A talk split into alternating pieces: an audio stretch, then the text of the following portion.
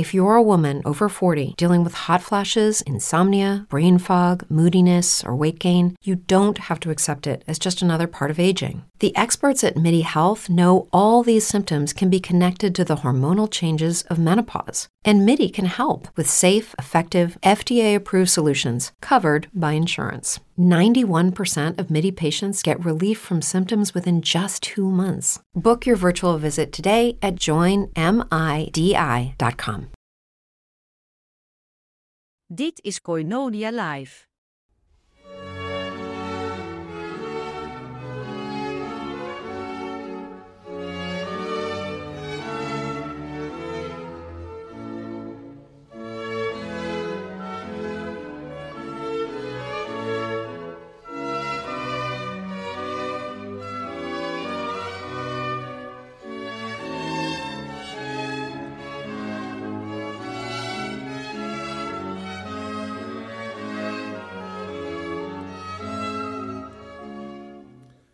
Coronia Live, dat wil zeggen Robert Veen dus, ehm, een uitzending weer. In een serie van uitzendingen waarin ik probeer om een theologische autobiografie voor mijzelf ook in, uh, in kaart te brengen en uh, te delen met degenen die dat misschien interessant vinden. De eerste twee afleveringen heb ik besteed om inderdaad behoorlijk autobiografisch de verschillende fasen in mijn leven te schetsen waarin uh, mijn geloof veranderde of mijn geloofspositie veranderde. Laten we zeggen een atheïstisch gezin, dan de vergadering van gelovigen, dan een filosofische tussenperiode, dan het Jodendom, dan de doopsgezinde broederschap, dan de hervormde kerk en dan nu met emeritaat. En ik zei het al, dit is met het oog op de toekomst allemaal, waar sta ik dan nu in mijn emeritaat? In deze aflevering wil ik het vooral gaan hebben over eh, de eerste grote belangrijke fase. En dat is mijn tijd in de vergadering van gelovigen. Want er is iets heel merkwaardigs mee gebeurd. Ik heb uh, vanaf mijn twaalfde bij de vergadering van gelovigen gezeten tot ongeveer mijn zeventiende. Heb toen een periode ook nog uh, in, uh, toen we in Lelystad woonde. Toen heb ik nog de vergadering bezocht in Elburg. En we hebben eigenlijk vanaf de tijd van Eemuiden, dat was dus de tijd van de hervormde kerk, eh, ook nog regelmatig eh, de vergadering bezocht in Heemstede. Die vergadering is nog wel eens zo hier en daar aanwezig geweest. Misschien vanuit een soort van nostalgie. Ik kan me herinneren dat ik ooit gezegd heb, eh, met de woorden van Cornelis Verhoeven uh, ik ben ongeneeslijk vergadering. Dat had hij gezegd over zichzelf. Ik ben ongeneeslijk katholiek. Dat, dat raak je niet kwijt. Nou, die vergadering raak je niet kwijt. Dat jongetje kon uit die vergadering komen. Maar die vergadering wilde niet helemaal bij dat jongetje vandaan komen. Maar ik wil beginnen uh, met een tweetal kleine teksten. Eentje van mezelf en eentje uit de schrift, uit het Nieuwe Testament uit Paulus' brief aan de Corinthiërs, de eerste brief, hoofdstuk 7. Want dat zijn toch woorden die, uh, ja, die behartenswaardig zijn. En daar wil ik even met jullie allen naar kijken. 1 Corinthië 7, vers 17. Maar zoals de Heer aan ieder heeft toebedeeld, zoals God ieder geroepen heeft, zo moet hij wandelen. En dan vers 20. Laat ieder blijven in de roeping waarin hij is geroepen. En dan vers 24. Broeders, laat ieder bij God blijven in de staat waarin hij geroepen is. Het eerste gedeelte vanaf vers 17 tot en met 19 gaat dan over de toebedeling, de roeping die je kunt hebben als je als Jood de Messias Jezus leert kennen of wanneer je als niet-Jood de Messias liet kennen. Het tweede gedeelte, na vers 20, gaat over geroepen zijn als slaaf of als vrije of als vrijgelatene. Dat zijn de opties hier. En dan eindigt het met die woorden: laat ieder bij God blijven, in datgene of in de staat waarin hij geroepen is. Paulus maakt dus twee dingen duidelijk. Eerst, ten eerste in religieus opzicht. Als je tot de gemeente van Christus geroepen bent, maakt het niet langer uit of je als Jood of als niet-Jood geroepen bent, maar blijf dan in die roeping. Hij zegt dus niet, geef dat Jood zijn op. Ehm, maar hij zegt, uh, het maakt niet uit, je hoeft als Jood niet te proberen om volledig niet-Joods te worden. Hou je Jood zijn dan maar vast. Maar als niet-Jood, als niet-Jood, hoef je ook niet te kijken of je misschien op Joodse wijze leven kunt. Nou, wat het eerste betreft, zoals de Heer aan ieder heeft toebedeeld, zoals God ieder geroepen heeft, zo moet hij wandelen. Ja, dat is in mijn geval heel dubbelzinnig, want ja, God heeft mij geroepen op mijn twaalfde, dat heb ik in een van de vorige uitzendingen verteld, heeft mij geroepen toen ik mij niet bewust was van mijn Joodse herkomst. Dus zou ik dan moeten zeggen, ik ben geroepen als niet-Jood, want ik heb niet gewandeld als Jood, ik heb niet geleefd als Jood. Ik ben mezelf helemaal niet bewust geweest van die Joodse herkomst. En die Joodse herkomst is bovendien heel dubieus om twee redenen. Ten eerste omdat het berust op anekdotische gegevens, het familieverhaal kortom van moeder en grootmoeder. Maar in de tweede plaats omdat ook binnen dat anekdotische gegeven de bekering tot het katholicisme een rol speelt. Mijn overgrootvader en overgrootmoeder zouden elk eh, overgegaan zijn tot de katholieke kerk. Maar nou staat hier zoals de Heer aan iedereen heeft toebedeeld. Nou, dat toebedeeld zijn hoeft dus niet precies zichtbaar te zijn geweest, bewust te zijn geworden op het moment van de bekering. Zoals God ieder geroepen heeft. Eh, misschien heeft de Heer mij wel geroepen vanwege de Joodse achtergrond. Of misschien maakte die Joodse achtergrond juist die roeping mogelijk. God gebruikt dat. God gebruikt die sociale en religieuze achtergronden van mensen om iemand tot zijn zoon te brengen. En dan ten derde, de uitkomst is, zo moet hij wandelen. Wandelen als Jood of wandelen als niet-Jood. Dat is hier de opdracht. Maar wat heeft God mij nou precies toebedeeld? Heeft hij mij toebedeeld om als niet-Jood tot geloof te komen, als twaalfjarig jongetje? Of heeft hij mij toebedeeld om op 18-jarige leeftijd erachter te komen dat ik een Joodse achtergrond had? Wat is precies dat moment van die toebedeling? Dan zou je kunnen zeggen, uit de context blijkt toch wel dat het gaat om iemand die de Joodse levenswijze heeft of de niet-Joodse levenswijze heeft, want het gaat om dat wandelen. Maar toch, voor mijzelf is het de vraag: hoe heb ik dan deze roeping ontvangen en wat heeft de Heer dan precies aan mij toebedeeld? En heel belangrijk, dat vers 19, waar Paulus nog eens zegt dat in de gemeente van Christus de besnijdenis geen echte betekenis heeft, maar ook het onbesneden zijn geen echte betekenis heeft. Dat geeft toch de indruk dat of je nou als Jood Christus dient of als niet-Jood Christus dient, het eigenlijk weinig uitmaakt. Want de besnijdenis is niets en het onbesneden zijn is niets, maar de onderhouding van Gods geboden. Nou ja, de onderhouding van Gods geboden is voor een niet-Jood toch heel wat ingewikkelder dan wat christenen op dit moment met hun christelijke ethiek ervan maken. En eh, de onderhouding van Gods geboden is voor een Jood stukken ingewikkelder, maar eigenlijk ook niet zoveel ingewikkelder dan wat een niet-Jood is opgedragen. Uiteindelijk, in die telling, beroemde telling van Zuidema, heeft een niet-Jood te maken met 96 geboden en verboden, en een Jood te maken met 106 geboden en verboden. Zover ligt dat niet uit elkaar. Want die beroemde 613, eh, het grootste deel daarvan, dat zijn geboden die voor een gemiddelde Jood ook helemaal niet gelden, omdat ze te maken hebben met de offerdienst bijvoorbeeld.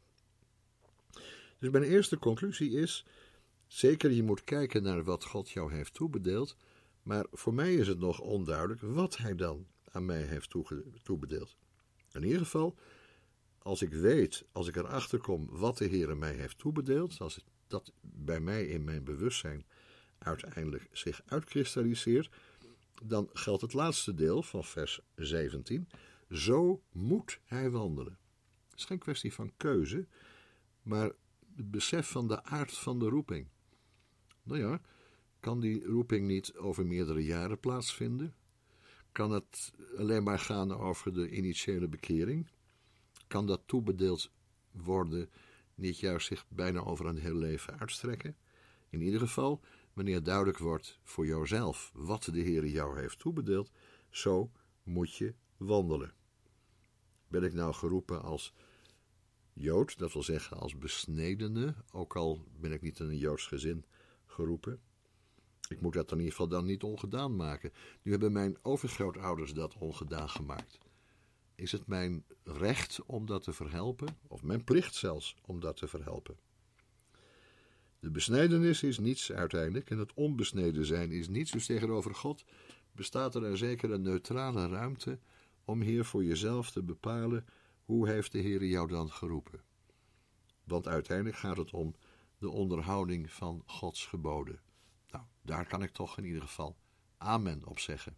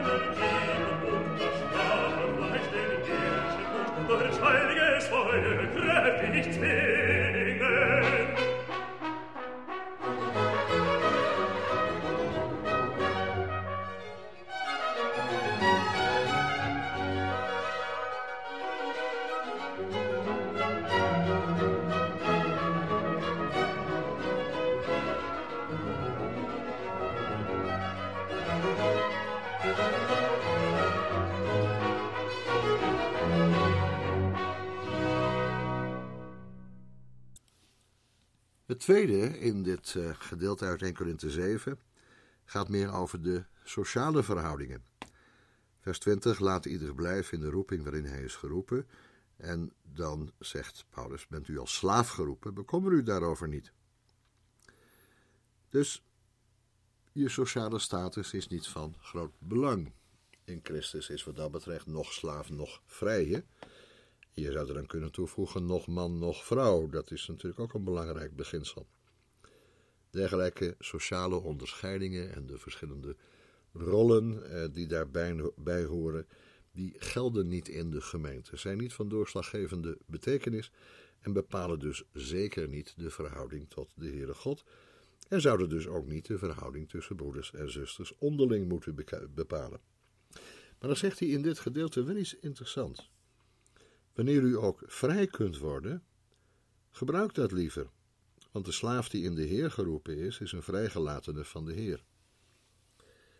Kortom, wie in de Heer geroepen is, is een vrijgelatene van de Heer, daar zit toch een spanning tussen dat vrijgelaten zijn in de Heer, vrij zijn van alle slavernij, en de sociale rol van die slaaf. Dat is niet ernstig genoeg om per se, en zeker niet met geweld, door weg te lopen of je te verzetten tegen het instituut van de slavernij. Het is niet ernstig genoeg om daaraan te denken. De slavernij in de eerste eeuw is heel wat uh, humaner dan waar wij dan direct aan denken. En dat is slavernij uh, op de uh, plantages in het zuiden van de Verenigde Staten en dergelijke.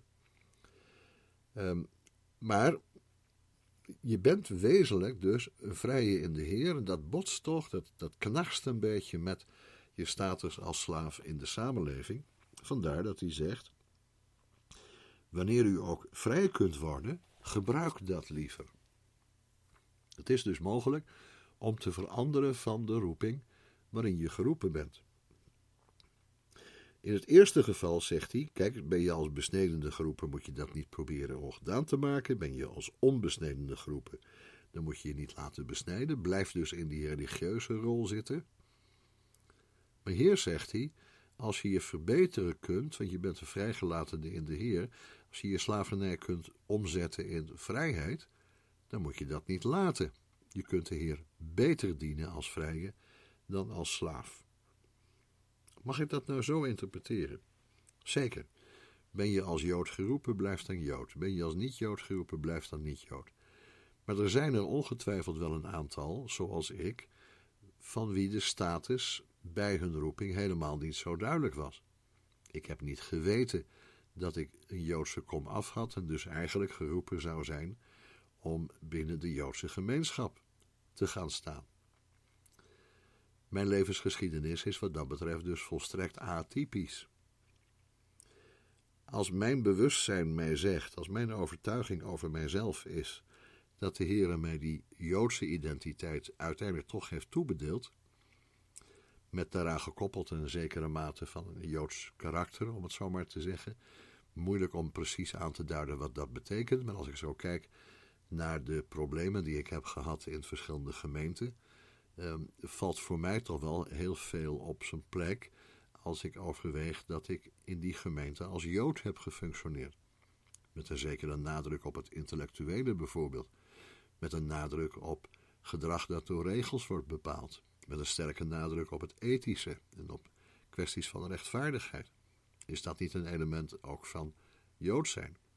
Ook met een zekere uh, aandacht voor de toepassing van morele regels en morele principes. Zou dat dan ook niet van toepassing zijn, dat tweede gedeelte, als ik als niet-Jood geroepen zou zijn, maar ik heb de gelegenheid om als Jood te leven, zou ik dan niet moeten zeggen, ja, doe dat dan? Want ik ben in zekere zin in de Heer, in de Heer Jezus Christus, een Jood. Dat is mijn herkomst. Als die anekdote klopt, het is allemaal maar heel erg schimmig en, en onduidelijk. Maar daar kan ik natuurlijk voor mijzelf ook een beslissing over nemen. Ben ik als niet-Jood geroepen? Ja, oorspronkelijk. Later ontdekt dat ik misschien wel, en ik denk zelf met hoge mate van waarschijnlijkheid, want dat is de waarde die ik toch aan die anekdote hecht en aan die foto van mijn overgrootouders, aan wie het Jood zijn eigenlijk zo eh, zichtbaar is geweest. Nu, als dat voor mijn bewustzijn zo is, is het dan niet zo dat ik dat als mijn echte roeping en toebedeling mag zien? Ook al is het dan intussen een halve eeuw later. Ten slotte eindigt Paulus met deze woorden: Broeders, laat ieder bij God blijven waarin hij geroepen is, of in de staat waarin hij geroepen is. Dat woordje staat, dat komt niet voor in de tekst, maar dat is in mijn Telos-vertaling eraan toegevoegd. Laat ieder bij God blijven in datgene waarin hij geroepen is. Ja, en dat is bijna een overtreffende trap van de vorige twee uitspraken. Wandelen zoals de Heer aan ieder heeft toebedeeld, als Jood of als niet-Jood. Blijven in de roeping waarin je geroepen bent, als slaaf of als vrije, maar streef naar de vrijheid. En hier eigenlijk de tekst die alles in een ander licht plaatst, want het gaat nu om het bij God blijven. Tegenover God staan in de staat waarin je geroepen bent. Het is een zaak tussen de Here en mij. Niet tussen mij en het rabbinaat, tussen mij en de kerken, tussen mij en mijn vrouw en kinderen. Nee, het is een zaak tussen de Here en mij. Laat ieder bij God blijven in de staat waarin hij geroepen is. En als nu mijn overtuiging wordt dat ik eigenlijk van Joodse herkomst ben, zou dat dan niet die toebedeling zijn, de staat waarin ik eigenlijk geroepen ben? En dat is dan niet tegenover anderen per se dat ik dat moet waarmaken, ik moet dat waarmaken tegenover God zelf. Het is wat Paulus ergens zegt: Hij is een Jood die het in het innerlijk is. Daarmee is niet alles gezegd over Jood zijn en over Messiaans Jood zijn. Maar dat wil wel zeggen dat de allerbelangrijkste kwestie niet mijn verhouding tot anderen is, niet de uiterlijke kant van mijn leven is, maar die innerlijke kant. Jood zijn wil zeggen dat je leeft volgens de voorschriften van de Torah, denkt volgens de denkwijze van de Torah, handelt zoals God het in de Torah gezegd heeft, en dat je de studie van de wet ziet als een vorm van aanbidding van de God die daarin gesproken heeft. Dat je dus ook de Heer Jezus Christus ziet als een uitdrukking van die Joodse identiteit, van die Israëlitische identiteit. Nu, wat dat betekent, dat is dus precies het werk van de toekomst. Maar ik moet nu gaan terugkijken naar een oudere periode om te zien hoe dit oorspronkelijk mijn roeping geweest is. Wat oorspronkelijk mijn roeping leek te zijn. Want we moeten het dringend nu gaan hebben over de vergadering van gelovigen.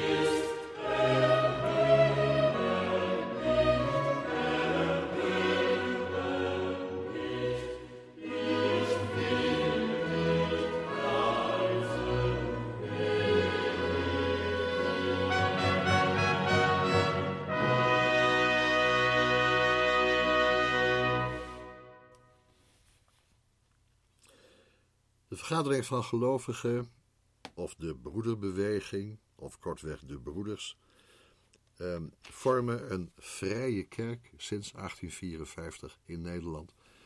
Met belangrijke namen als Voorhoeven ehm, en uh, tegenwoordig ehm, Willem Ouweneel. Dat zijn bekende eh, mensen van de vergadering. Ze komen voort uit dat grote revij, wat in het midden van de 19e eeuw eh, zijn vruchten ging eh, vormen. Uh, die vruchten konden geplukt worden. Maar het is eigenlijk een opwekkingsbeweging die al in de eerste helft van de 19e eeuw begon. En zoals gezegd in 1854 in Nederland als broederbeweging dan bekend raakte. Maar ze komen dus uit het Europese revij. Kenmerken van dat revij waren een hernieuwde nadruk op trouw aan de Bijbel als het volstrekt letterlijk geïnspireerde woord van God. Ook een sterk accent op de persoonlijke geloofsbeleving. Een mijding van alles wat als werelds werd ervaren en een heel erg vernieuwd profetisch bewustzijn. Een herleefde verwachting van de spoedige komst van Christus, maar toch ook een, een eh, grote nadruk op christelijke Ehm, goede werken, evangelisatie, armenzorg en, het, eh, en de inzet voor christelijke scholen. Het is daardoor sterk verbonden met wat we het pietisme kunnen noemen. Ehm, wat in die zogenaamde nadere reformatie van de 17e en de 18e eeuw weer zo sterk was. Dus dat Nederlandse revij van 1824 eh, af, de tot het christendom bekeerde Jood Isaac da Costa was daar belangrijke ehm, kracht in. En die revijkringen die uh, vormden ook weer later uh, verenigingen. En iets afgescheiden daarvan, van die revijkringen, vind je dan de broeders. Hè, met broeder Lemkes, familie Lemkes, is uh, heel bekend en beroemd in de vergadering. En de familie Voorhoeven, daar hebben we ook de zogenaamde Voorhoeven-vertaling aan te danken. De voorloper van de Telos-vertaling. Een vertaling van het Nieuwe Testament, die was opgezet um, en gedrukt werd door uh, de familie Voorhoeven. John Nelson Darby is natuurlijk de grote leider van de broederbeweging. En voor Nederland is zeker John Nelson Darby de belangrijkste leraar geweest. Hij leefde van 1800 tot 1882. En ja, de prediking van Gods woord, de zielzorg, is voor hem van groot belang geweest. Ehm, hij kwam uit de Anglikaanse kerk en uiteindelijk kwam hij tot het licht van Gods genade, zoals hij zelf schreef. Dat overweldigende idee dat Luther al had gehad, maar dat bij Darby dus ook langzamerhand moest rijpen. De volle zekerheid van het geloof in Christus en van eeuwig heil en een volle overgave aan Gods woord. Weliswaar op een bepaalde, hele bepaalde manier gelezen, maar eh, het was toch maar heel opvallend dat voor hem alleen maar Gods woord de bron was van alle waarheid. Hij begon ook in Dublin, in Ierland, het avondmaal te vieren. Op een hele simpele manier, zoals dat nog steeds eigenlijk in de vergaderingen in Nederland het geval is. Er ontstonden door zijn eh, werk, door dat rondtrekkende werk van hem, overal ging hij naartoe, rondreizend prediker noemde hij zichzelf, ontstonden in Ierland en Engeland vergaderingen.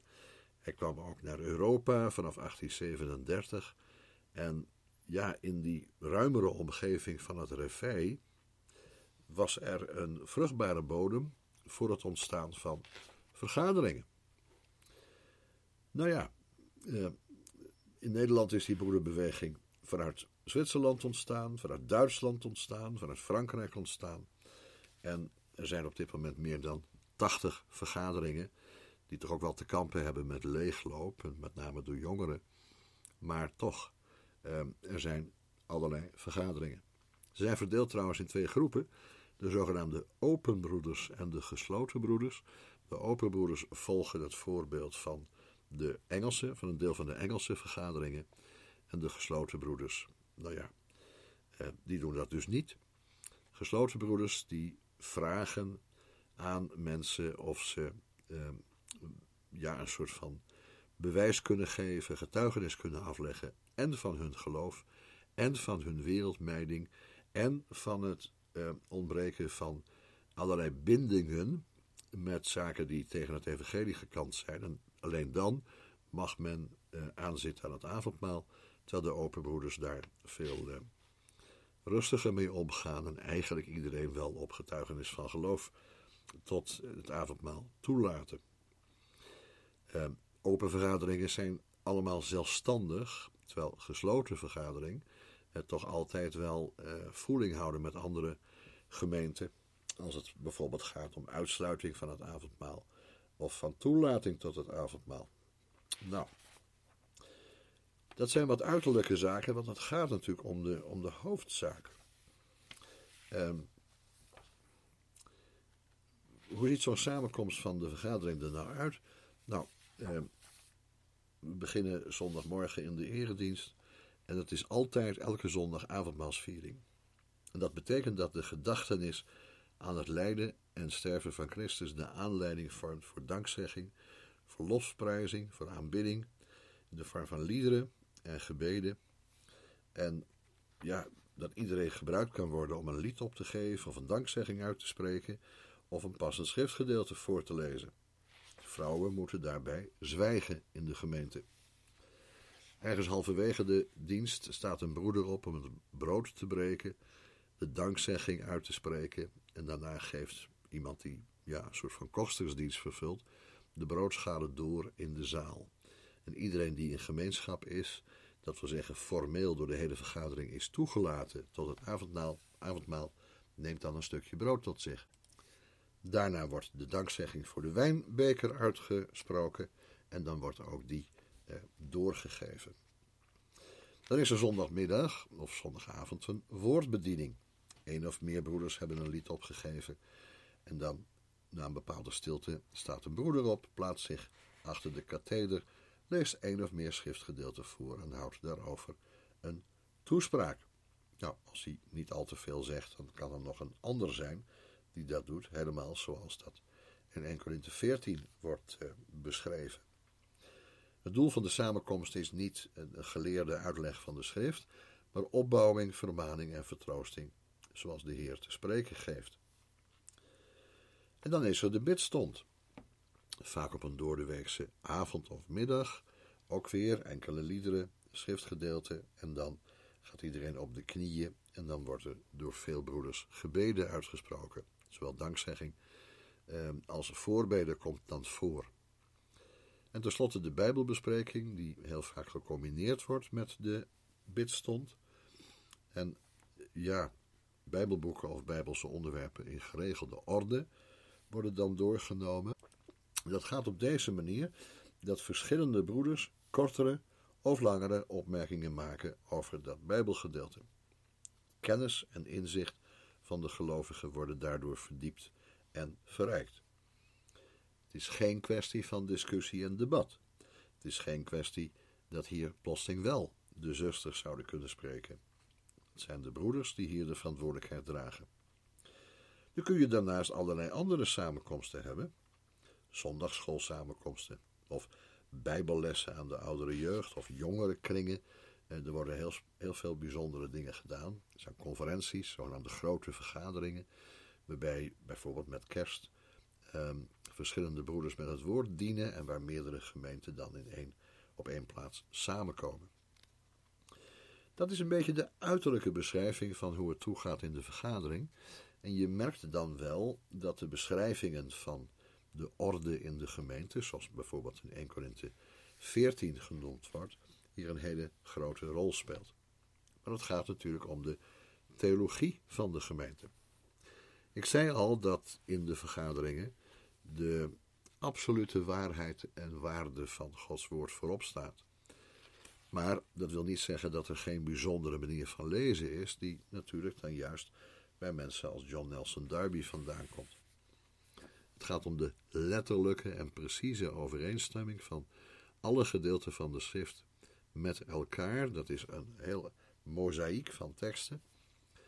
En het gaat om in zekere zin een, ehm, een, een, een ongedeelde Bijbel. Wat mij wel opviel, ik ga nu een aantal van die punten noemen die mij opgevallen zijn en die ik later toch heb moeten opgeven, is bijvoorbeeld dit idee. Ehm, de komst van de Heer Jezus is het begin van de tijd van genade. En in het Oude Testament niet voorzien tijdperk waarin de gemeente wordt gebouwd. De gemeente die uit Joden en niet-Joden bestaat. De beloften die God aan Israël heeft gedaan zijn dan tijdelijk opgeschort door het ongeloof van Israël. Dat komt pas weer goed bij de terugkeer van Christus op aarde. Dan zullen de beloften van het Oude Testament alsnog letterlijk worden uitgevoerd voor het Joodse volk, voor het volk Israël, dat immers het aardse volk, de aardse bruid van de Heere God is. Maar daar hoort bij het idee dat er eigenlijk maar heel weinig gedeelten in de schrift zijn die rechtstreeks tot de gemeente als zodanig spreken. Er is een uh, onevenredige nadruk komen te liggen op de brieven van Paulus met name, want Paulus zou dat geheimenis van de gemeente zijn toevertrouwd. Dus Paulus kan spreken over de orde in de gemeente en over de aard en het karakter van de gemeente. Um, en de leer van Paulus is daarmee veel belangrijker geworden dan wat we bijvoorbeeld horen in de woorden van de Heer Jezus zelf in de Evangelie. De bergreden bijvoorbeeld is een uitspraak van de koning voor zijn aardse volk. Dat is namelijk voor kruis en opstanding. Dat heeft allemaal alleen betrekking op Israël en dat zal dus straks in de toekomst weer relevant zijn. Ook het Onze Vader is dus geen christelijk gebed. Het Onze Vader is het gebed van de minderheid uit Israël die straks de Messias zal herkennen. Dat is dan tegen die tijd opnieuw een minderheid geworden. Want de vergadering leert de opname van de gemeente. De meerderheid in de vergadering leert dat de gemeente zal terugkeren. Nee, pardon, zal worden opgenomen in de hemel aan het begin van een periode van zeven jaar, de zogenaamde grote verdrukking. Dat halverwege die grote verdrukking van zeven jaar, dus na drieënhalf jaar, de antichrist zijn troon zal opeisen in Jeruzalem en vanuit Jeruzalem de hele wereld zal beheersen. Maar dat hij al heel gauw het verbond met het Joodse volk, het verbond met Israël, verbreken zal eh, door een afgodsbeeld in de herstelde tempel te plaatsen. En daarmee zal opnieuw een grote vervolging van Joden beginnen. Het duurt drieënhalf jaar, tot in het zevende jaar, als de Jezus terugkomt, de antichrist vernietigt en het duizendjarige rijk begint. En daarmee dus de vervulling van de aardse belofte aan Israël uit het Oude Testament. Koninkrijk van de Zoon heet dat dan in de eerste Petrusbrief. Intussen is die gemeente in de hemel en draagt ze bij aan het regeren op aarde. Tijdens die duizend jaar van het duizendjarige rijk dus is de gemeente al in de hemel. Wanneer je het boek Openbaring leest, moet je dan opletten dat volgens de vergadering na Openbaring 5 de gemeente in de hemel is, want daar zie je de zogenaamde oudsten, de 24 oudsten rondom de troon staan. En die 24 oudsten zijn dan de gemeente van Christus. 12 voor de Joodse eh, gelovigen en 12 voor de niet-Joodse gelovigen. Het draait dus uiteindelijk allemaal om bekering en geloof in Christus, geloof in zijn goddelijkheid, geloof in zijn status als Messias, geloof dat hij zal terugkeren, geloof dat dus reddend is, hè, dat werkzaam is uh, in de redding van iemand. Zonder dat geloof word je niet behouden. Israël zal dus niet behouden worden uh, zonder dat geloof, maar zal straks zijn Messias weer te zien krijgen. En dan is het geen kwestie van geloof, maar van aanschouwen. waar had ik nou problemen mee in deze kort geschetste vergaderingstheologie? Nou, ten eerste, mijn begrip van inspiratie was anders. Um, ik geloofde niet dat je letter voor letter um, zaken in de schrift kunt aanduiden als door God rechtstreeks zo geïnspireerd. Ik geloofde wel dat het uiteindelijke resultaat van de hele schrift Ehm, als het ware de mededeling van de geest aan ons was. Maar dat is toch iets anders. Mededeling van de geest wil zeggen dat het geest het belangrijk vond om iets te weten over het persoonlijk leven van Paulus. Om ook te lezen dat Paulus vraagt aan Timotheus of hij zijn mantel wil meenemen. Of dat Paulus tegen Timotheus zegt dat hij maar een beetje wijn moet drinken vanwege zijn eh, maagklachten. Um, dus Theopneustos. Uiteindelijk is die hele schrift door Gods geest doorademd, maar dat geeft niet aan elke tekst dezelfde openbaringskwaliteit. En omgekeerd, dat betekent zeker niet dat je nu de teksten van het evangelie en de woorden van Jezus zelf mag ondergeschikt maken aan de leer van Paulus. Ik leerde al heel snel zeggen dat de leer van Paulus de eerste theologie was, als ware een, een tussengebied tussen de openbaring eh, die in Jezus realiteit had gekregen en de kerkgeschiedenis en haar theologiegeschiedenis in. Paulus is als het ware met één been in de openbaring en met één been in de theologie. Een ander punt waar ik bij het lezen van de schrift steeds minder vertrouwen in kreeg, was die minutieuze uitleg van elke letter in de profetieën om exact te voorspellen hoe straks die toekomst verlopen zou. Ik geloofde al heel gauw niet meer in de letterlijke vervulling van dat zevenjarige van die zevenjarige grote verdrukking. En het duizendjarige rijk leek mij symbolisch en het boek Openbaring leek mij geen futuristische chronologie te bevatten. Het waren meer dia's dan een film. Kortom, op een heleboel punten begon ik anders te denken over de inspiratie van de schrift. Maar omdat de vergadering in alle andere opzichten zo'n volstrekt authentieke vorm van christendom leek te zijn, was het aan het einde van mijn verblijf met de vergadering, vanwege al deze theologische bezwaren, eigenlijk ondenkbaar dat ik nog naar een ander soort kerk zou overgaan. Als je de vergadering eenmaal hebt meegemaakt, zei ik dan met Verhoeven, ben je ongeneeslijk vergadering en dan is er eigenlijk geen kerk meer geschikt om in te functioneren. De eenmansbediening in de kerk. Niet de Heilige Geest heeft het laatste woord, maar de voorganger. Het gebrek aan zicht op de toekomst. Gebrek aan vertrouwen in Gods woord. Dat was in al die andere kerken zo sterk aanwezig. En als het dan niet vergadering kon zijn, dan maar helemaal niks. En dat betekende een begin van mijn filosofische periode, waarin het mij vooral te doen was om een filosofisch begrip van wat godsdienst eigenlijk betekende, wat uh, een mens eraan had, platweg gezegd, maar ook van hoe het intellectueel gerechtvaardigd kon worden. Het geloof in God, het geloof in de theologie, sommige delen van de theologie. En ook begon mijn belangstelling op te komen voor het werk van Karl Barth, die zo'n merkwaardige theoloog is, want hij kan en als filosoof gelezen worden en als theoloog. Hoewel hij helemaal niet zo blij is met de toepassing van Aristotelische filosofie bijvoorbeeld in uh, de theologie. Maar goed, daar stond tegenover dat voor uh, Karl Barth uh, de filosoof Plato toch wel weer een grote rol kon spelen in zijn theologie. De overgang dus naar dat uh, meer filosofie, die filosofische benadering, zat tussen mijn zestiende en mijn achttiende. En op mijn achttiende was het compleet, want toen koos ik ervoor om in de eerste plaats filosofie te gaan studeren, omdat ik filosofisch wilde begrijpen wat ik theologisch en in ervaring had doorgemaakt in de vergadering. Wat is dat eigenlijk? Een geloof hebben. Wat is dat eigenlijk? Een theologie opbouwen. Wat betekent die enorme versplintering en fragmentarisatie van het protestantisme? Zit daar ergens nog waarheid in? En zo ja, wat voor waarheid is dat dan? Dat was mijn grote vraag. En daar wilde ik me dus graag in die volgende periode mee bezighouden.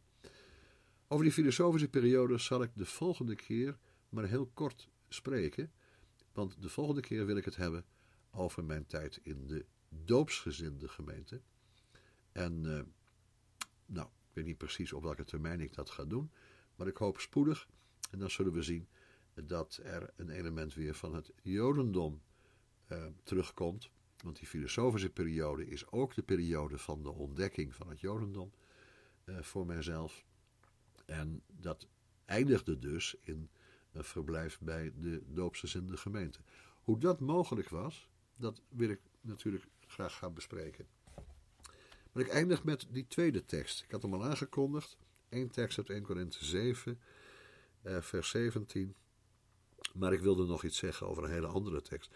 Dit haal ik uit een van mijn notitieblokken van 40 jaar geleden. Toen was een thema op de universiteit in die filosofiestudie heel belangrijk. Dat is zoiets als identiteit en zelfzijn. U kent misschien dat grapje nog wel. Wees jezelf, zei ik tot iemand, maar die kon niet, hij was niemand. Nou, zelf zijn, wat is dat dan eigenlijk? En ik heb dat 40 jaar geleden al geformuleerd op een wijze die duidelijk maakt wat er eigenlijk, terugblikkend, in mijn leven allemaal gebeurd is. Het is een definitie. Uh, zou je kunnen zeggen, een definitie van zelf zijn. het gaat om een zelf zijn dat door identiteiten heen de kern is van een bewegelijk systeem van zelfidentificaties. Ja, wat was ik toch slim 40 jaar geleden. Een zelfzijn dat door identiteiten heen eh, de kern is van een bewegelijk systeem van zelfidentificaties. Er zitten een aantal belangrijke elementen in. Zelfzijn wil zeggen, in de kern ben ik ook in al die verschillende geloofsrichtingen mijzelf gebleven.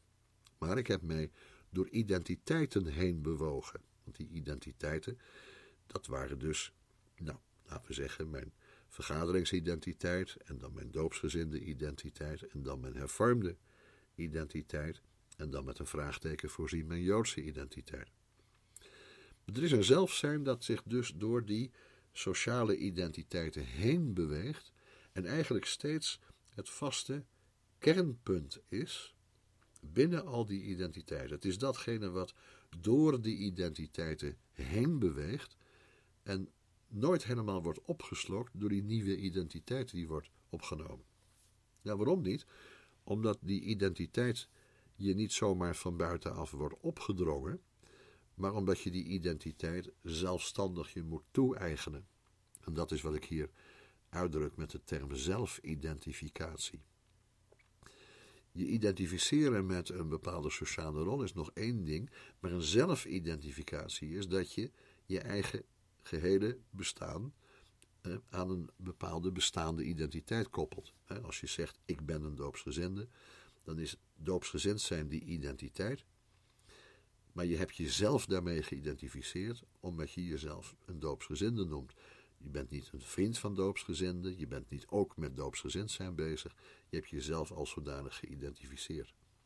En naar mijn overtuiging zijn die zelfidentificaties in ons leven altijd een bewegelijk systeem. Dat wil zeggen, het is veranderlijk, maar het is ook coherent. De veranderlijkheid is dat je van de ene kerk naar de andere uh, overstapt. Maar de coherentie is dat je dat steeds doet met hetzelfde doel, vanuit dezelfde motivatie. Omdat iets jou voor ogen staat wat je belangrijk vindt. Omdat je in die uh, zoektocht naar jezelf bepaalde zaken mist. Zozeer gaat missen dat een overstap naar een andere identiteit en dus een andere zelfidentificatie noodzakelijk wordt. Zo beschouwd zit er dus systeem in die overgangen.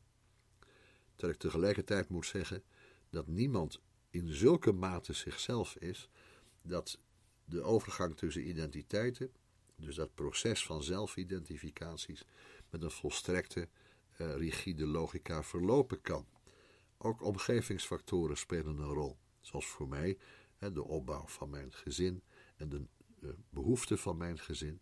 En uh, dat speelt natuurlijk ook een rol bij die zelfidentificaties. Ik zeg het nog één keer. Het gaat uiteindelijk om een zelfzijn dat door identiteiten heen de kern is van een bewegelijk systeem van zelfidentificaties. Als je naar de buitenkant kijkt, naar iemand die vijf verschillende kerken heeft bezocht, dat waren er voor mij trouwens maar drie, dan zou je moeten zeggen, nou, dat is geen vast en zeker spoor geweest. Zo iemand is niet consistent. Maar het kan juist zo zijn dat door consistent te zijn met jezelf, juist door het vasthouden aan wat je in volstrekte integriteit zelf ziet en zelf begrijpt van de werkelijkheid, dat je daardoor een beweging door die identiteiten heen moet maken. En dat is, denk ik, de wijsgerige manier om te zeggen dat er ondanks al deze schijnbaar grote sprongen toch juist sprake is van een enorme continuïteit. Geleidelijk aan, wanneer we ons door de bespreking van die identiteiten heen bewegen, zal denk ik die kern, dat zelf zijn, eh, dat uh, in mijn leven zo'n rol speelde, wel duidelijk worden. En dat zal misschien ook het grootste argument zijn voor de uiteindelijke definitieve keuze waarnaar ik me toe beweeg. Want het zou toch wel aardig zijn als de zelfidentificatie die nu aan de orde is, voor mijzelf als uh, predikant met emeritaat, als dat de laatste kan zijn. Nog één autobiografische notitie erbij, en dat is heel recent. We hebben besloten om de vergadering in Heemstede te verlaten. Dus dat is de zoveelste keer dat ik bij de vergadering wegga. De eerste keer nog voor mijn achttiende, de tweede keer voor mijn dertigste en dan nu de derde keer op mijn 65ste. Want die zelfidentificatie wil niet meer lukken, omdat die identiteit van de uh, vergadering in Heemstede zo sterk veranderd is, zo weinig meer lijkt op wat die vergadering oorspronkelijk was, dat wij niet op een authentieke wijze daaraan kunnen participeren. Daar zal ik misschien later uh, nog wat meer over zeggen, maar ik laat het daar nu even bij. Zelf zijn gaat door identiteiten heen. Het is de kern van een bewegelijk systeem van zelfidentificaties. Als je dat begrijpt, begrijp je al heel veel ook van mij.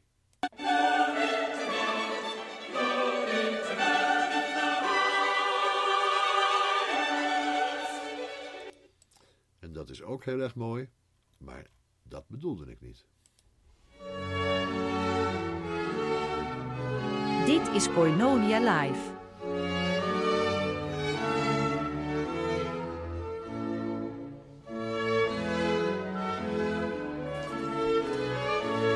U hebt geluisterd naar een uitzending van Cornonia Bijbelstudie Live. Ga naar cornoniabijbelstudie.nl voor meer audio en video.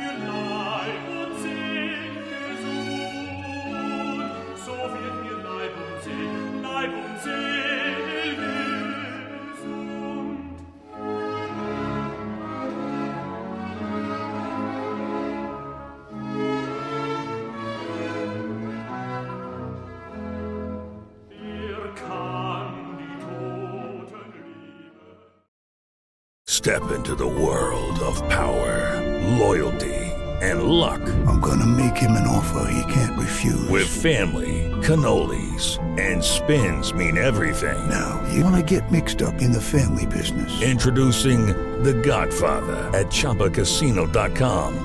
Test your luck in the shadowy world of The Godfather slot. Someday, I will call upon you to do a service for me. Play The Godfather now at ChumbaCasino.com. Welcome to the family.